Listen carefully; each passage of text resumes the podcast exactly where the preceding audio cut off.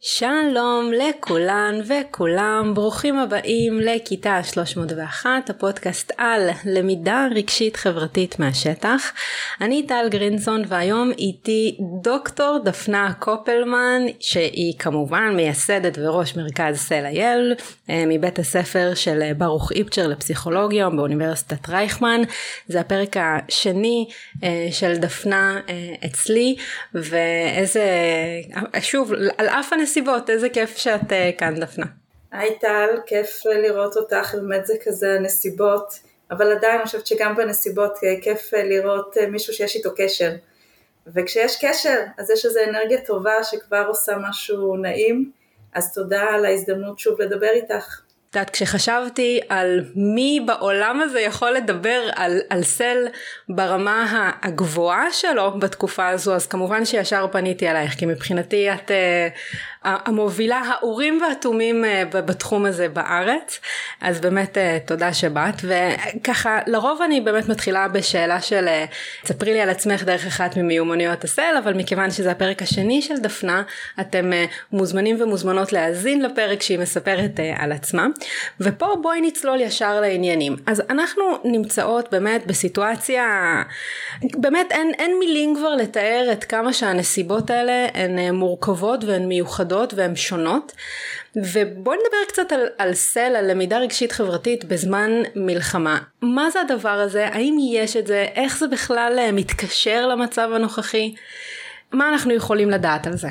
כן, אז זו שאלה מאוד טובה שאני שאלתי ושואלת את עצמי עדיין, אז אה, אני לא יודעת אם יש אה, תשובה ברורה, אבל אני יכולה להגיד לך מה הדברים שעד כה אספתי ביחד עם הצוות, ביחד עם קולגות מהעולם, ו...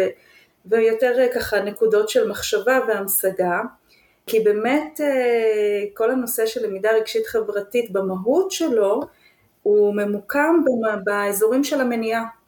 ואם אנחנו עושים ככה הקבלה לבית חולים, אז הוא לא בחדר מיון, הוא נמצא אה, יותר במחלקה ובעיקר בבריאות המונעת או בשיקום. ויחד עם זאת, דווקא בחדר מיון את הכי צריכה את המיומנויות האלה כדי להתמודד עם החירום. ולפני שאני אדבר ממש על SEL, אני רוצה ככה אה, להתייחס אה, לזה שגם יש שלבים שונים אה, בתוך המצב המלחמתי שאנחנו נמצאים בו עכשיו. היום אנחנו כבר יותר מחודש אחרי השבת הנוראית והארורה הזאת שהיא ממש הייתה באמת אה, ועדיין שבר אה, נוראי והלם והלם באלף. והיום אנחנו נמצאים בשלב אה, קצת שונה אני חושבת. ובהקשר הזה אני רוצה להגיד שתי מילים על טראומה שכולנו חווים אבל ברמות שונות אני חושבת. אנשים שונים ילדים שונים חווים את זה ברמות שונות כי הדבר המרכזי בחוויה של טראומה זה בעצם התחושה של, האדם, של הילד, עד כמה האירוע הקשה שהוא חווה היה מלווה בתחושה של חוסר אונים, אה, מאתגר את היכולת שלו להרגיש שהוא מסוגל להתמודד, החשש מההשלכות גופניות, הרגשיות, החברתיות, המשפחתיות, האישיות אה, וכך הלאה. כך שאנחנו נמצאים בעצם אה, בשונות מאוד גדולה כשאנחנו מדברים על אוכלוסיות שונות מבחינת החוויה הטראומטית. אנחנו גם, אה, אם אנחנו בטראומה, אה, נמצאים בעיקר בתגובות של fight or flight או freeze, אנחנו עוברים היום יותר לתהליך של התמודדות. שבו התגובה היא פחות אוטומטית, יש יותר מקום לתהליכים של שליטה, של בחירה מודעת, ובמקומות האלה אני חושבת ש... הלמידה הרגשית חברתית, או אם נשים דגש רגע על המיומנויות, התוך אישיות והבין אישיות, שנדרשות, הן מצד אחד מאוד מאותגרות בתקופה של מלחמה ושל סטרס אה, מתמיד, ומהצד השני הן מאוד אה, נדרשות לנו. ברגע שאנחנו עוברים מהתגובות האוטומטיות לתגובות הפחות אוטומטיות, יש יותר מרחב של שימוש בהן, של אפילו יכולת של לקדם אותן, שבשלב האקוטי פחות אה, אפשרי. אז בהקשר הזה אני חושבת שיש מונח אה, שלקוח מתוך הלמידה הרגשית חברתית, אה, שהוא מיועד לנושא הזה של התמודדות עם טראומה, והוא נקרא בעצם למידה רגשית חברתית מבוססת טראומה. וזו אותה למידה רגשית חברתית עם אותה המשגה, עם אותה תפיסה שמתייחסת לתהליך הזה של פיתוח היכולות והמיומנויות והעמדות והתפיסות שמאפשרות לנו את ההתפתחות הטובה בהתמודדות עם מצבי אתגר, אבל היא שמה באמת דגש על היכולת לייצר סביבה שהיא בטוחה והיא אמינה, שכל אותם גם ילדים וגם מבוגרים שחוו טראומה, מרגישים שהם יכולים להמשיך ולקבל תמיכה עם הרבה פוקוס על הכוחות, על הזהות האישית, לחזק את מערכות היחסים שתמיד מהוות גורם חוסן מאוד מאוד משמעותי, גם עם ילדים, גם עם מבוגרים, את תחושת השייכות לקהילה, הכיתתית, הבית ספרית, הכללית יותר, וגם אה, יכולת להיות אה, מזוהים ברמות השונות של הצורך ולקבל תמיכה מאנשי מקצוע לאלו שזקוקים, גם ברמת הילדים, גם ברמת צוותי החינוך והמבוגרים, נוכל להיכנס לזה יותר לעומק בהמשך אם אה, תרצי. אבל גם חשוב להגיד שרבים מאיתנו אה, יש להם כוחות אה, התמודדות טובים בעזרת התמיכה הטבעית נקרא לזה, או בתוך הקהילה שבה הם נמצאים, יוכלו בהחלט לחזור וכבר חוזרים, אנחנו רואים לרמות כאלו ואחרות של תפקוד, ולהגיע לשימור מחדש של הכוחות, לתפקוד לאורך זמן. ולא כולם יצטרכו את אותה עזרה מקצועית ספציפית, ויחד עם זאת אה, יש מקום לשים לב טוב למה אני צריכה, למה הילד שמולי צריך, ולהגיע כן ולפנות לעזרה מקצועית ספציפית כדי לצלוח את התקופה הזאת כאשר יש צורך בכך. אז את אומרת בעצם כמה דברים. קודם כל סל בטבע שלו הוא לא אהבתי את הדימוי הזה של, אה, הוא גם מאוד אה, ראוי ומתאים לתקופתנו אנו, שבעצם זה לא חדר מיון, זה יותר מחלקת אה, שיקום או בעצם מחלקת מניעה. ובאמת סל, את יודעת, הוא, הוא עובד הכי טוב כשהוא מוטמע בסדירויות, בשגרה. יחד עם זאת, עוד דבר שאת אומרת, זה בעצם עדיין המתווה הזה של סל מאפשר לנו להשתמש בכל מיני דברים מתוכו. כאילו למשל, כל הסיפור הזה של קהילה בית ספרית, היכולת לייצר לייצר דרך הקהילתיות הזאת, שזה כן עיקרון סלי, כן? בסוף סל לא מורכב רק מהמיומנויות שלו, הסיפור הזה של יצירת קהילה בתוך בית הספר, בעצם עוזר לייצר את המרחב הבטוח הזה ש, שילדים, תלמידים וצוותי ההוראה צריכים כדי באמת אה, לממש את המיומנויות האלה של סל. באופן טבעי אנחנו יוצאות אה, משגרה, יצאנו משגרה, צוותי חינוך יצאו משגרה, אבל העיקרון הזה של לבסס את התחושת חוסן ואת תחושת הקהילה זה משהו שאפשר לעשות כל הזמן. כי הסיפור הזה זה בעצם התשתיות האלה שנבנות בשגרה ובחירום, שיאפשרו לנו לאט לאט לאט לחזור לאיזושהי עבודה אה, מבוססת למידה רגשית חברתית באיזשהו מצב של שגרה.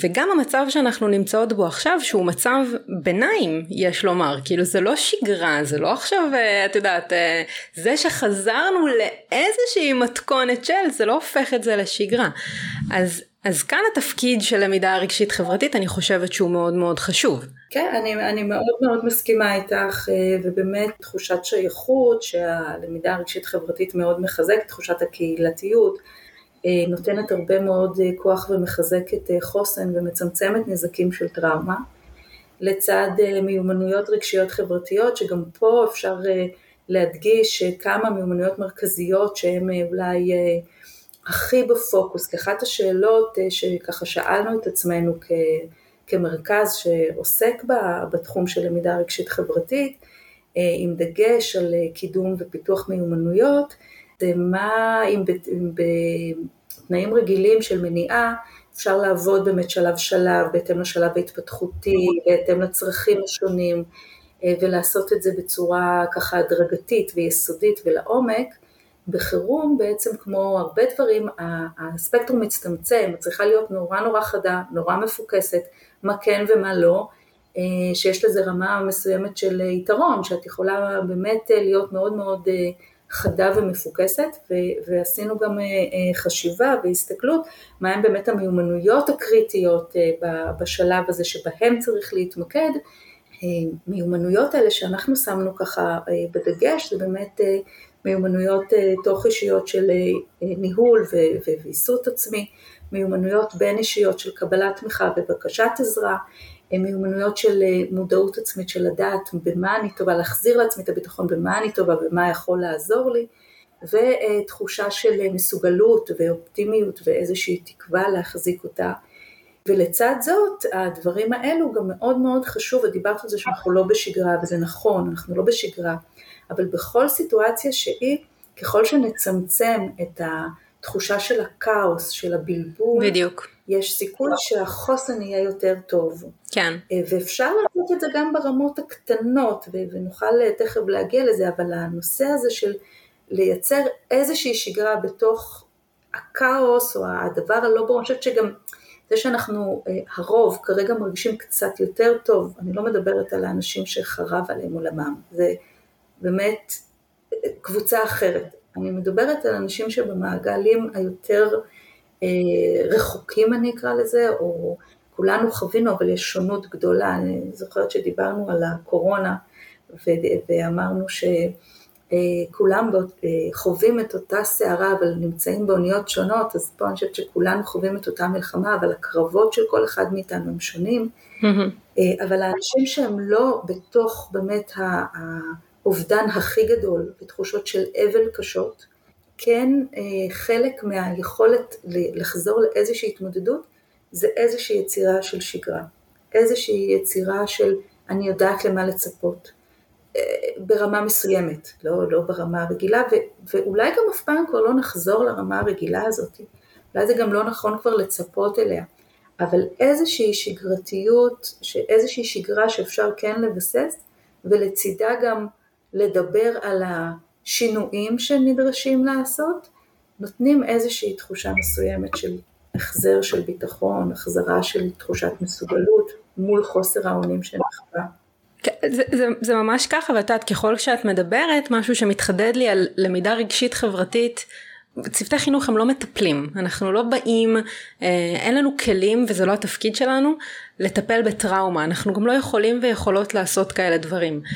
מה שלמידה רגשית מאפשרת זה באמת איזשהו מקום שאנחנו יכולות ויכולים להתאמן על מיומנויות שעוזרות לנו להתמודד עם טראומה וכאנשי חינוך זה עוזר לנו אה, באמת כמו שאמרת אה, לזהות את, ה, את הילדים את הילדות שנמצאים במצב שהם צריכים טיפול קצת יותר מתקדם ובעצם להפנות אותם לאיפה שהם צריכים. אבל, אבל למידה רגשית חברתית היא, היא לא באה לטפל והיא לא באה להחליף uh, גורמים מטפלים, היא באמת מבחינתי היא איזשהו uh, מכפיל כוח לצורך העניין בטיפול uh, בטראומה. עכשיו בטראומה גם צריך לומר שאת גם אמרת את זה שזה נובע מאיזשהו חוסר אונים מאוד מאוד גדול ומפחד מאוד גדול ויש משהו בלמידה רגשית חברתית או בלמידה או בשגרה באופן כללי שמאוד עוזר להתמודד עם התחושת השליטה הזו. יש משהו בכלי החינוכי הזה שאת יודעת שאת יכולה לתת איזושהי אשליה של שליטה גם לצוותי הוראה וגם לתלמידים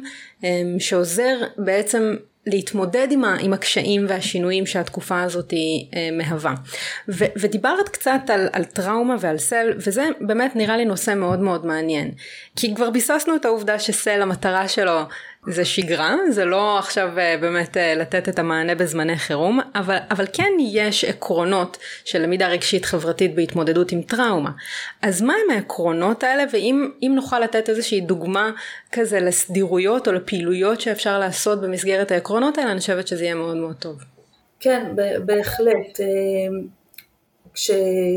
ככה נכנסנו לתוך הנושא ולראות באמת את הניואנסים ואת התרומה של העולם של ה-SEL למצב הנוכחי, אז מצאנו את התחום שנקרא למידה רגשית חברתית מבוססת טראומה, שהוא מבוסס על שישה עקרונות מרכזיים שאני תכף אמנה אותם, ו- ויכולת מתוך העקרונות האלה לגזור בעצם פרקטיקות. שהמטרת על של כל העקרונות האלו ביחד זה בעצם לייצר סביבה כיתתית, בית ספרית, שמקדמת אה, התאוששות והחלמה מטראומה. אז ביטחון ומוגנות זה העיקרון הראשון, שבעצם גם אם אנחנו לומדים אה, אה, פיזית וגם וירטואלית וגם היברידית, להקפיד שהסביבה תהיה סביבה שמספקת תחושת ביטחון פסיכולוגית ופיזית, גם מבחינת האינטראקציות בין צוותי החינוך בינם לבין עצמם, בין התלמידים בינם לבין עצמם, שהתחושה היא תחושה של מוגנות. באופן טבעי צוותי חינוך מנסים באמת לתת את התחושה שזה מרחב בטוח. לפעמים זה מגיע לידי אבסורד, יש אזעקה ואנחנו צריכים לרדת לממ"ד, אבל עצם זה שיש את הממ"ד, שיש את המקלט, זה נותן את הביטחון, וגם ברמה הווירטואלית והפסיכולוגית, שאפשר להגיד דברים, שיש מקום לדעות שונות, לשונות בתחושות וברגשות. אז העיקרון הראשון הוא ביטחון ומוגנות לילדים ולילדות, ולא פחות חשוב גם לצוותי החינוך. כולם עוברים את הקושי הזה. צוותי חינוך עם ילדים צעירים בבית, צוותי חינוך עם ילדים במילואים או בני זוג במילואים, או בשירות סדיר. כולנו בתוך הסיפור הזה, והמבוגר אמור לשדר את תחושת הביטחון, והוא גם צריך לקבל בעצמו את תחושת הביטחון. עיקרון השני, שהוא משלים את הנושא הזה של אין ביטחון ומוגנות, זה עיקרון של אמינות ושקיפות. זאת אומרת שיש חשיבות מאוד גדולה לבסס תחושת אמון, וזה נעשה הרבה על ידי שקיפות. למה הכוונה? הרבה דברים אנחנו לא יודעים ולא בטוחים בהם, או דברים שאמרנו וצריך לעשות בהם איזשהו שינוי. היכולת להיות שקופים עם השיקולים השונים, עם ההחלטות לערוך שינויים ולהציף אותם, לא למרוח את הילדים. כמובן בהתאם לרמת הגיל שלהם, לא צריך להציף בדברים שילדים צעירים אין להם מה לעשות עם זה, זה רק יעורר בהם חרדה, צריך להפעיל שיקול דעת במה משתפים, וזה שונה. ילדים בכיתות צעירות לעומת מתבגרים. אנחנו צריכים להיות אמינים ושקופים, אבל לא עם עודף פרטים שלא מתאים לגיל. ומצד שני, לא לחסוך דברים מגיל שכן כבר שואל שאלות ומודע לדברים ונחשף לדברים. אז אמון הוא בין צוותי החינוך בינם לבין עצמם, בין ההנהלה, בין מי שמעליהם, רשות וכך הלאה, דרך שקיפות ויכולת לשתף בקבלת החלטות ובשינויים שנדרשים ברמה שמתאימה למי שאנחנו משתפים אותו. העיקרון השלישי שדיברנו קצת עליו גם זה הנושא של תמיכה, תמיכת עמיתים, שוב, קודם כל בין צוותי החינוך בינם לבין עצמם, בין מי שמספק להם בתוך הקהילה, ותמיכה של הילדים בינם לבין עצמם, עם יכולת לקבל ולתת מקום לייחודיות, לגיוון, לתרבויות השונות, מן הסתם בחברה הישראלית עכשיו המתח הוא, הוא, הוא לא פשוט, דברים נהיים קיצוניים יותר, והיכולת להכיל ולהכליל היא, היא מאותגרת והיא הכרחית והיא חשובה.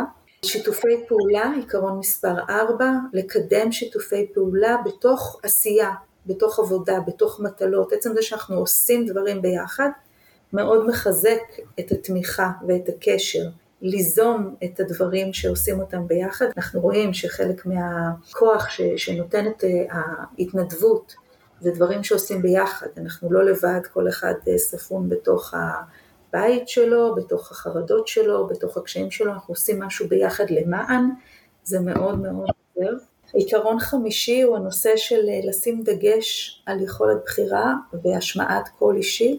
זה מאוד מאוד חשוב תמיד, וחשוב במיוחד סביב חוויה של טראומה, כי תחושת חוסר האונים מאוד מלווה עם היעדר בחירה, היעדר יכולת להשמיע קול. גם פה ברמת הצוותי חינוך, ברמת הילדים, ככל שאנחנו יכולים לתת תחושת בחירה, אפילו בדברים קטנים, ככל שאנחנו אה, אה, נותנים את ההרגשה שאנחנו שומעים אחד את השני ומשמיעים ומאפשרים אה, להשמיע את הקול האישי הייחודי, עם מסר של מיקוד בכוחות, בחוסן, ביכולת לקבל החלטות, באמונה שאנחנו יכולים לקבל החלטות נכונות ולעשות בחירות נכונות, מחזק את התחושה של החזרה של שליטה, מצמצם את הנזקים של הטראומה, מתחיל לצמצם את תחושת חוסר האונים הקשה. והדבר האחרון הוא כל הנושא של רגישות תרבותית, היסטורית, מגדרית, תשומת לב לאוכלוסיות שהן תמיד ברמת סיכון יותר גבוהה, לפתח קשיים ולהגיב בצורה יותר עוצמתית, לצמצם את הסטריאוטיפים וההטיות השליליות. אז אלו העקרונות, השישה העקרונות המרכזיים כשמחזיקים את העקרונות האלה בראש, אז בשלב הראשון שווה לחשוב מה קיים בכיתה שלי שמיישם את העקרונות האלה, מה קיים בבית הספר שלי, בקהילה שלי, ואני משוכנעת שהרבה הרבה דברים, אפשר ממש לעשות רשימה, יהיו כאלה. אני ממש משוכנעת בכך, שוב, בעיקר, בעיקר מקומות, והרבה מקומות אה, עובדים בשנים האחרונות לקידום הנושא של אה, למידה רגשית חברתית, זה תפס מאוד חזק אה, מאז הקורונה, בדרכים שונות, בצורות שונות, אה, אז אני בטוחה שזה קיים, ואז הנקודה הנוספת היא לחשוב מה עכשיו במצב השונה, בשגרה לא שגרה הזאת, בשונות שמתחלפת לנו כל הזמן, מה אני יכול עוד לעשות, מה אני יכולה עוד לעשות ומה פחות. גם אי אפשר לעשות הכל וזה גם בסדר, יש חלק מאוד חשוב של חמלה עצמית. אני עושה את המיטב שאני יכולה כרגע, אני לא במיטבי כרגע, וזה חשוב. לא, לגמרי, אני, אני גם, את יודעת, זה, זה באמת אחת מהסיבות שאני כל כך אוהבת את, ה, את הלמידה הרגשית חברתית, אוקיי? כי בסוף כל הרשימה הזאת ש, אה, שמנית כאן, שזה חד משמעית, אה, את יודעת, עקרונות וכלים מופלאים להתמודד עם מה שקורה כרגע, אבל בסוף הרשימה שנתת כאן הייתה יכולה באותה מידה להופיע עם, ב, ב, ב, ברשימה של, אה, של מטפלים לאיך להתמודד עם טראומה וכן הלאה, אבל אני אוהבת את הלמידה הרגשית חברתית, כי בסוף אנחנו מדברות על למידה.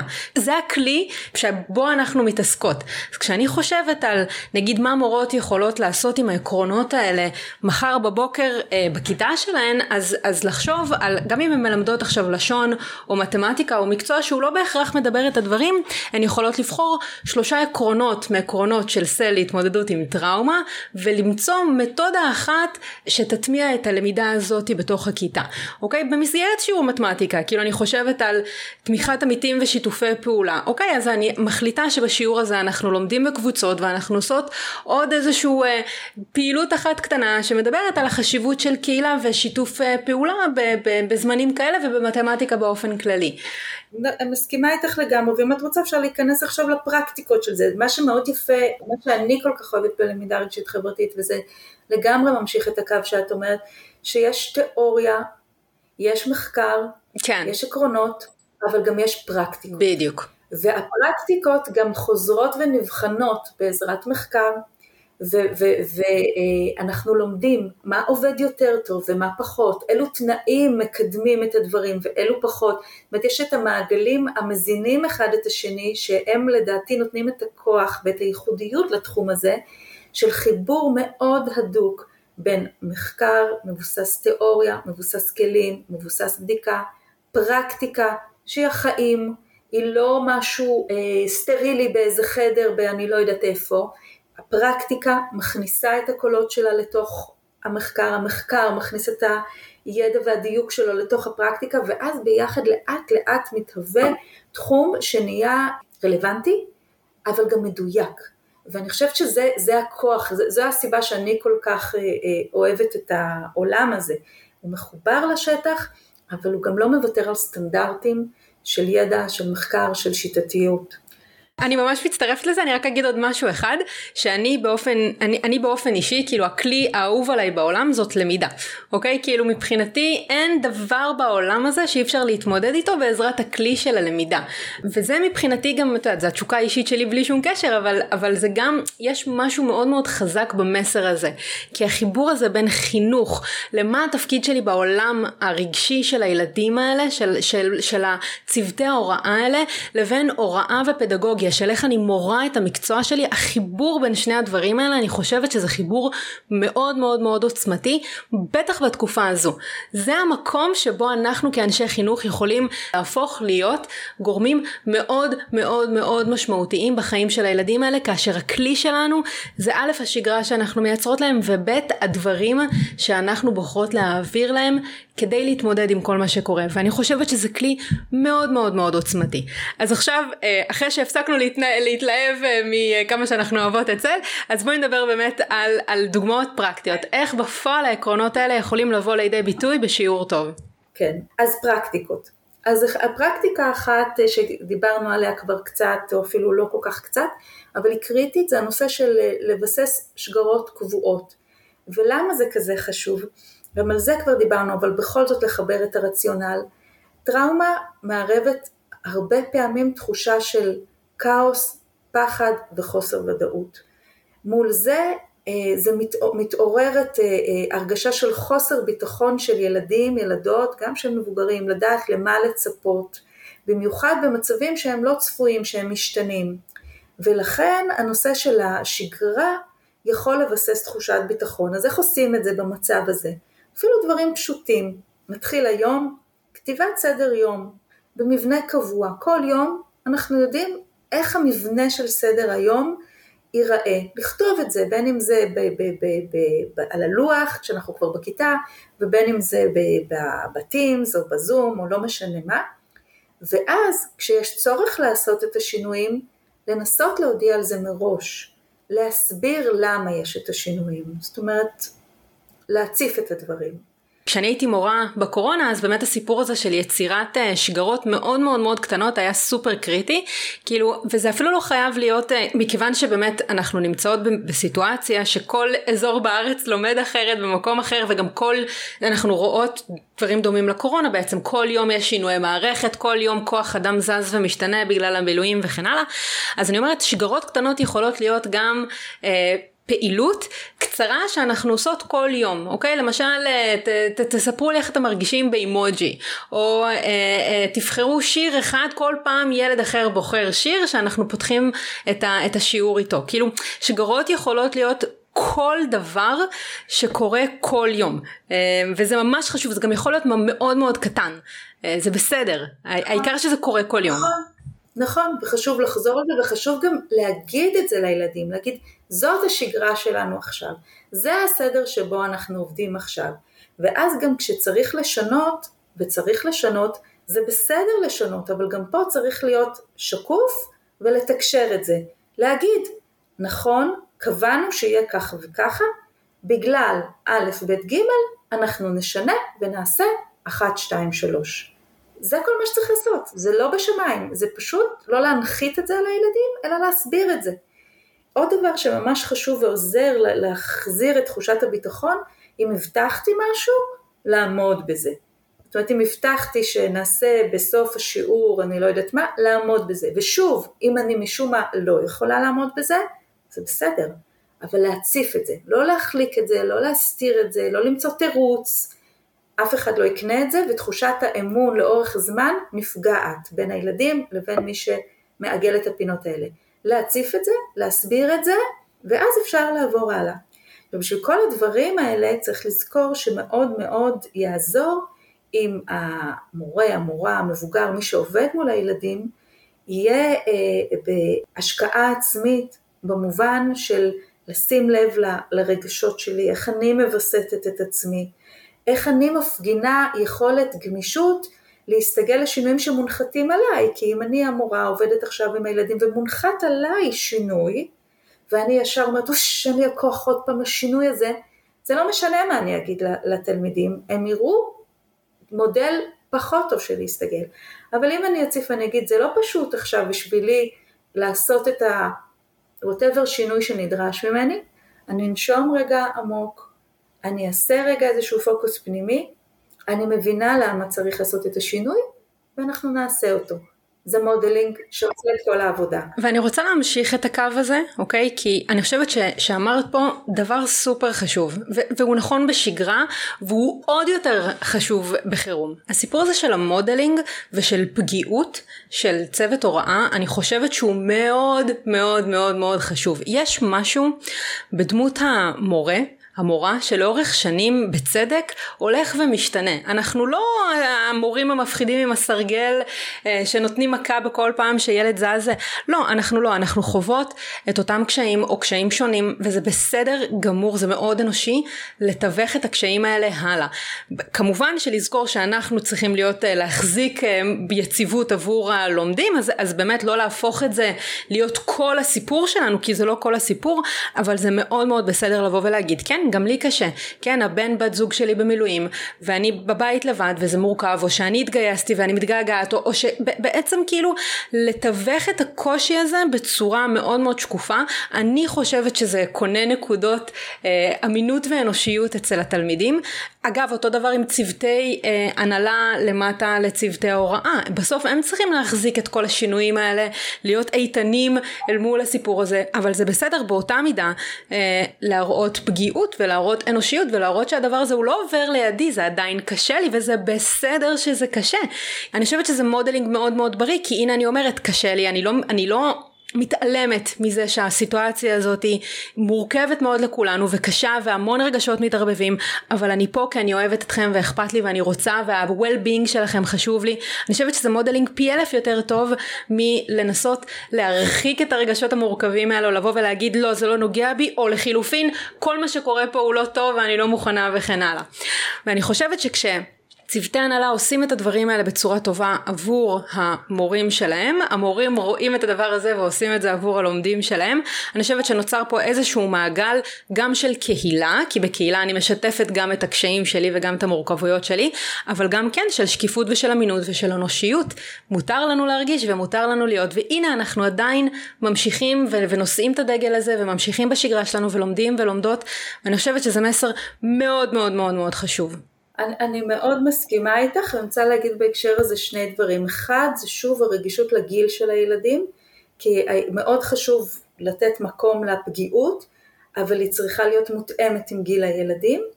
ושניים, שמאוד מאוד חשוב גם לשתף במה עוזר לי בדרכי ההתמודדות, כי משם הילדים יכולים אה, אה, ללמוד לצד הכרה ברגשות הקשים ובסיטואציה הלא פשוטה, איך גם מתמודדים מול זה. גם אם ההתמודדות היא לא אידיאלית, אבל בכל זאת איך, איך אני מנסה להתמודד עם זה ולתקשר את זה, זה למידה מאוד מאוד חשובה ויכולה להיות modeling מצוין. זאת אומרת שני הדברים, אה, הלגיטימציה למגוון הרגשות ומה אני עושה איתם. אה, אני חושבת שמאוד מאוד חשוב. אה, ומפה אז אני אעבור לפרקטיקות שמתמקדות בעיקרון השני של בניית מערכות יחסים תומכות וחזקות. אה, כמובן ש, שאין מספיק מילים לתאר כמה הקשר יכול להיות גורם אה, מרפא, מחזק, גורם חוסן, ובהקשר הזה אה, חשוב גם להגיד שלמבוגרים גם כמובן להורים שלנו, לחברים שלנו, יש כוח נהדר, אבל גם כשאין את התמיכה משם, מבוגרים שהם לא ההורים, והמחקרים מראים לנו את זה שוב ושוב, עצם זה שיש הפגנה של התעניינות אמיתית בילד בילדה, יש לזה אפקט חיובי בצמצום ההשפעה השלילית של הטראומה. אה, אם יש שניים, שני מבוגרים כאלה שמתעניינים, זה יכול להיות שווה ערך לתמיכה של חברים קרובים. זאת אומרת שלא נחשוב לרגע שאם אנחנו אה, עוד לא מכירים את הילדים בכיתה, המלחמה התחילה בשלב מאוד מוקדם בשנה. הרבה מורים לא הספיקו להכיר את הילדים שהם איתם מתמודדים עכשיו ומכירים אותם עכשיו. התעניינות, גם אם אין היכרות מאוד מעמיקה, יש לה אימפקט. ולכן אה, יש אה, מקום לשים דגש על מערכות היחסים למשל פרקטיקה אה, אה, שחשוב רגע לתת עליה את הדעת, לא חייבים לעשות אותה בדיוק ככה, אבל יש לה עיקרון מעניין.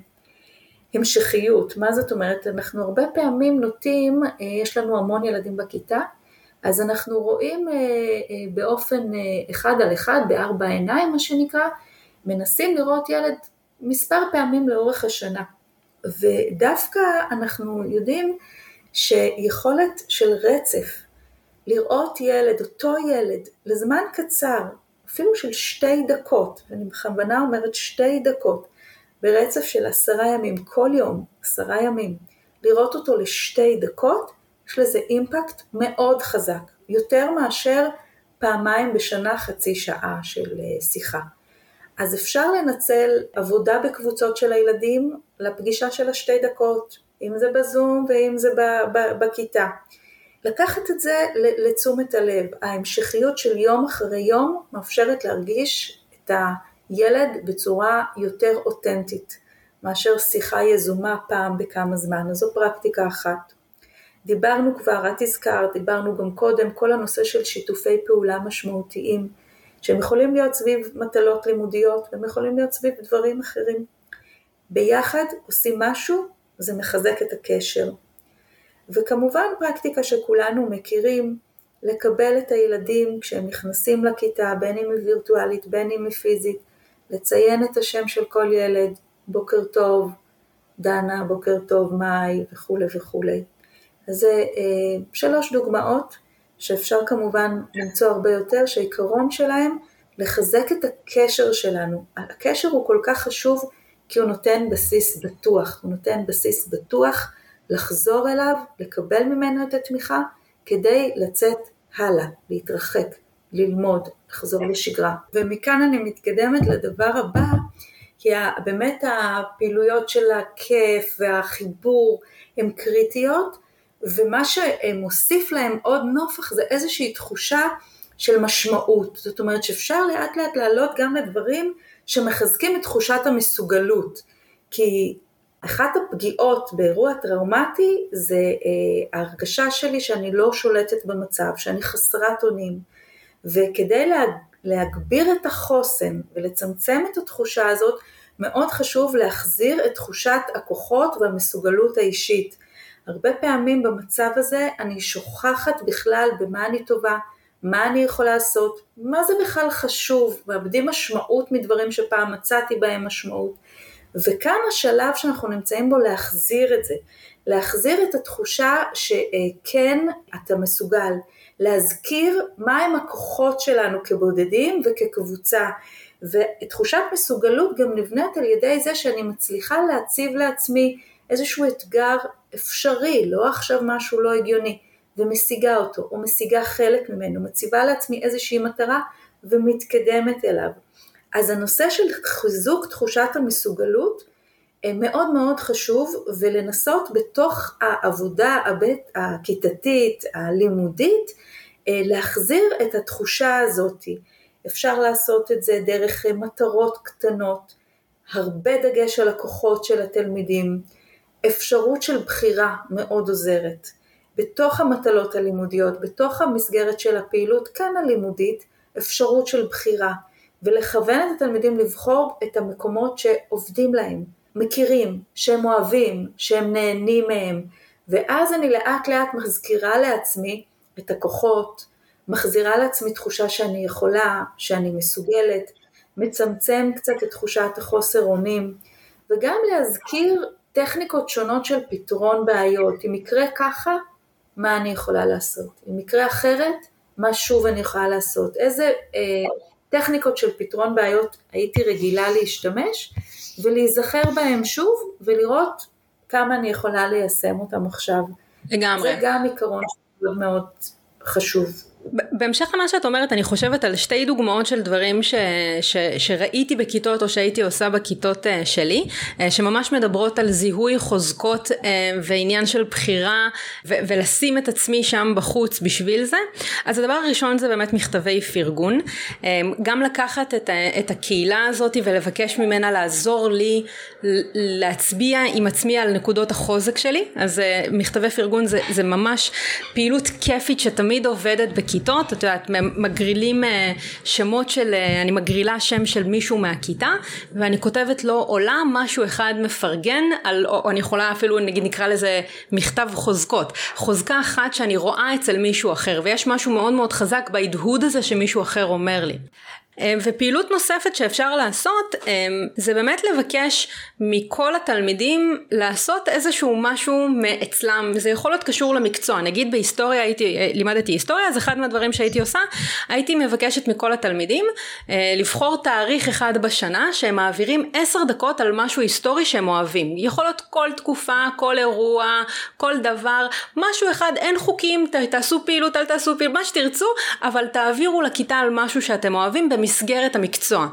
ואני חושבת שיש משהו בדבר הזה, גם הבחירה וגם להראות משהו שהם אוהבים וגם להציג מול התלמידים, וגם, כאילו יש משהו מאוד מאוד מרים אה, בדבר הזה, ואני חושבת ש, שאפשר להשתמש ב, בפעילויות האלה גם כשגרה, גם כמכפילת כוח בשיתופי פעולה, גם בבחירה והשמעה של כל אישי, כאילו בסוף את יכולה אה, לחבר בין העקרונות האלה בפעילויות שאת עושה בכיתה.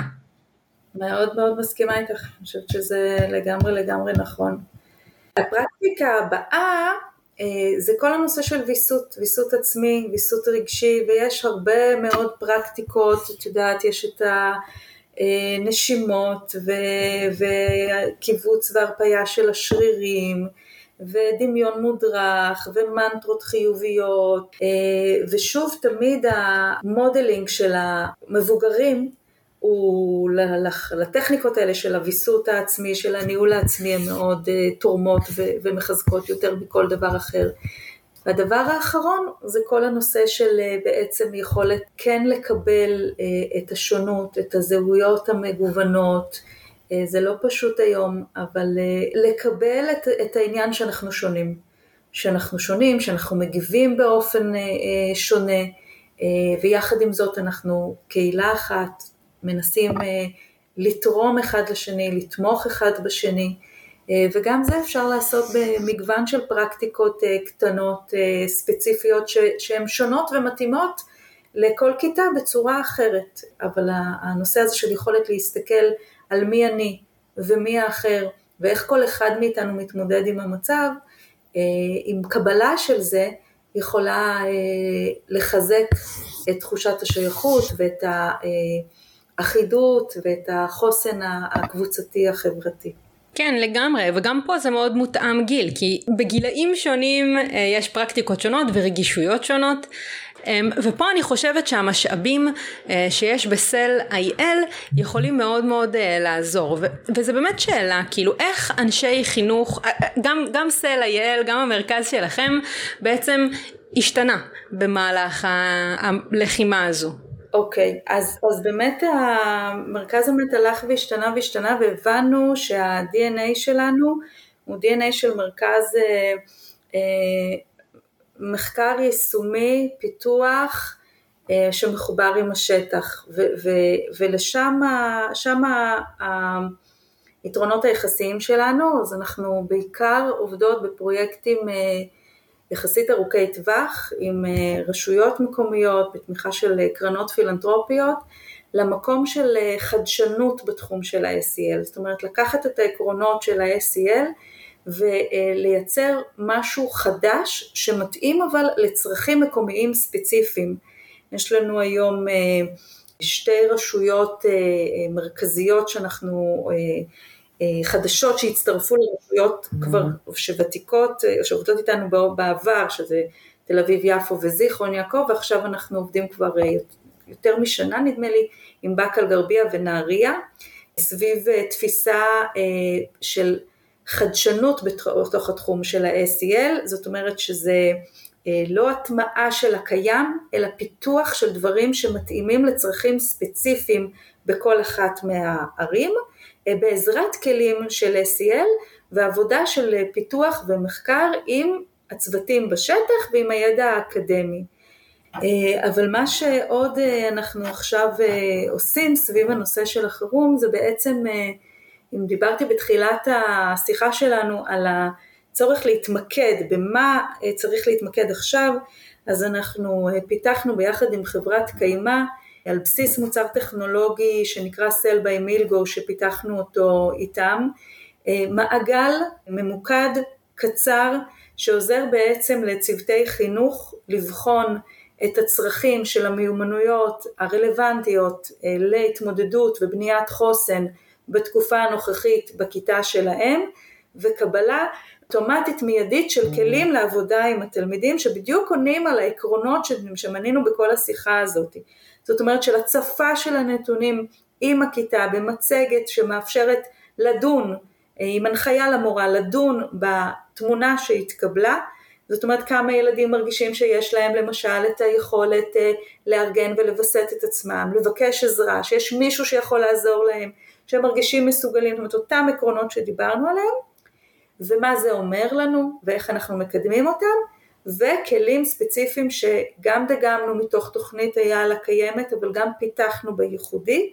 אנחנו גם פיתחנו מצגת חירום, זאת אומרת מצגת שבאמת מיקדה את אותן אה, מיומנויות בפוקוס למצב הנוכחי, אז בעזרת אותו מעגל של סל ביי מילגו חוסן בזמן חירום, המורה גם מקבלת תמונת מצב וגם כלים ספציפיים מיידיים לעבוד ולטפח את המיומנויות האלה. בית הספר יכול לקבל תמונה בית ספרית של שכבות של כלל בית הספר והרשות המקומית יכולה לקבל תמונה ברמת הרשות.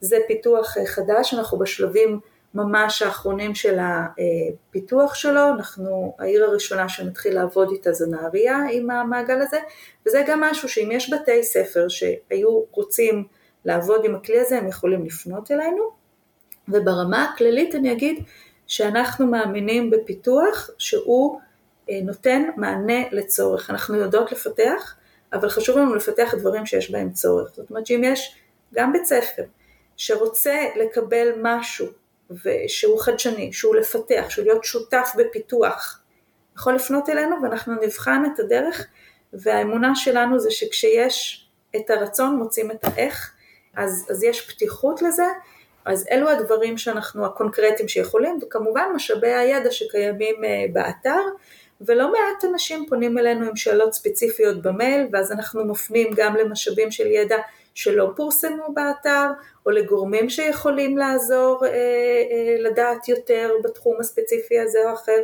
אז זו גם דרך אה, שאפשר תמיד לפנות אלינו. מהמם. אז, אז באמת קודם כל אני אשים כמובן את הפרטים ליצירת קשר איתכם אה, בתחתית, ה, בתיאור הפרק וכמובן גם בפרסומים אה, ו, ובאמת אני מפצירה בכל אה, מי שמאזין מאזינה לנו להיכנס אה, אה, לאתר של סלע יל יש שם המון המון משאבים אני אספר קוריוז שכמורה בקורונה אה, האתר שלכם היה frequent אה, visitor אני הייתי כאילו באמת נכנסתי וראיתי הרבה מאוד דברים גם אה, ברמת הפעילויות וגם ברמת הידע, אמ, זה באמת מאוד מאוד יעיל. אז ככה לקראת אה, סיכום, מה המסר אה, שלך לאנשי ונשות חינוך שמאזינים לנו כעת? אז קודם כל אני חייבת להגיד דבר ראשון שאני מורידה בפניהם את הכובע. אני חושבת אה, שתמיד להיות אנשי חינוך זה דבר שאני מאוד מעריכה ומסתכלת עליו בהערכה מלאה וב... כאילו אני מסתכלת על זה to look up to, זאת אומרת אני חושבת שזה באמת אה, תפקיד יוצא מן הכלל וקשה לביצוע תמיד ועכשיו עוד יותר. אז מה שיש לי להגיד זה שגם תדאגו לעצמכם, יודעת שהסיטואציה לא פשוטה, המערכת היא מאוד קשה ואני חושבת שמאוד חשוב לעצור רגע בכל הטירוף, בכל ה... אי ודאות והניסיון והרצון לתת ולטפל בכל הקשיים, לעצור רגע, להפנות שנייה את הקשב פנימה בצורה חומלת, בצורה שיכולה להגיד זה בסדר, אני לא במאה אחוז, אף אחד הוא לא במאה אחוז, מה אני מרגישה, עד כמה רמת הסטרס שלי גבוהה היום, עכשיו בבוקר, לעומת הצהריים, איזה מחשבות עוברות לי בראש, מה ההתנהגות שלי, האם זה מה שאני רוצה, האם לשם אני שואפת להיות, מה אני יכולה לשנות, ממה אני שואבת כוח. אז קודם כל המודעות, לעצור ולהיות מודעת לעצמי. לעצור, לעצור. אחר כך לנסות לחפש את האיזון. עם כל הכבוד לתפקיד הכל כך חשוב שלי כמורה, כמנהלת, כיועצת, אני גם בן אדם עם חיים פרטיים ומשפחתיים, והאם אני נותנת מספיק מקום גם למילוי מצברים דרך מפגש חברתי, מנוחה, בילוי, רגיעה, ספורט, כל אחד מה שעוזר לו להחזיר את האיזון ולא להרגיש שזה מותרות. זה קריטי לתת גם לזה את המקום. והדבר השלישי, מודעות, איזון, קשר. איך אני באמת משמרת מערכות יחסים טובות עם הקולגות שלי, עם הקהילה שלי. לפעמים אנחנו לא במקום הזה. תחרותיות, קנאה, יריבות. איך אני יוצרת מהקולגות שלי רשת תמיכה, מעבר לבית הספר, החברים, החברות שלי, שכנים, בני משפחה, חברים בקהילה, בקבוצת ההתנדבות, בחוגים השונים שאני נמצאת בהם, בקבוצות השונות שאני נמצאת בהם, מה עוזר לי להפיג מתח? קשר חברתי הוא מאוד מאוד גורם חזק ויעיל בהפגת מתח. איך אני מוצאת לזה זמן? איך אני מוצאת את המקום הנכון? אז מודעות לעצמי, איזון בחיים שלי, קשר ולהתמקד בעצמי, זה, זה מה שיש לי להגיד. ושוב, אני רק יכולה להסיר את הכובע בפני כל הצוותי חינוך שעושים עבודה ממש בחזית. אה, לנו, אנשי מחקר, אנשי פיתוח, יותר קל, אנחנו באזור ה... ה... שנותן לנו זמן נשימה. אתם לא שם, אתם בחזית כל הזמן. ועל זה אני רק יכולה להיות uh, מלאת הערכה ותודה לזה שאתם שם. ממש, מה שנקרא אה, מסכת החמצן אה, לכם קודם. טוב דפנה ממש תודה. זה היה גם, גם ברמה התיאורטית וגם ברמה הפרקטית מרחיב תודה לגמרי אז תודה לך על זה. ותודה לכן ולכם שהאזנתם. אני מקווה שנתראה ונשמע אה, בימים אה, טובים יותר ושקטים יותר. אה, אם מצאתם ערך בפרק הזה אתם מוזמנים ומוזמנות לשלוח לאיש או אשת חינוך שייהנו באותה המידה וכמובן לדרג את הפודקאסט. ושוב מקווה שנתראה בימים ובפרקים שקטים יותר. אז יאללה ביי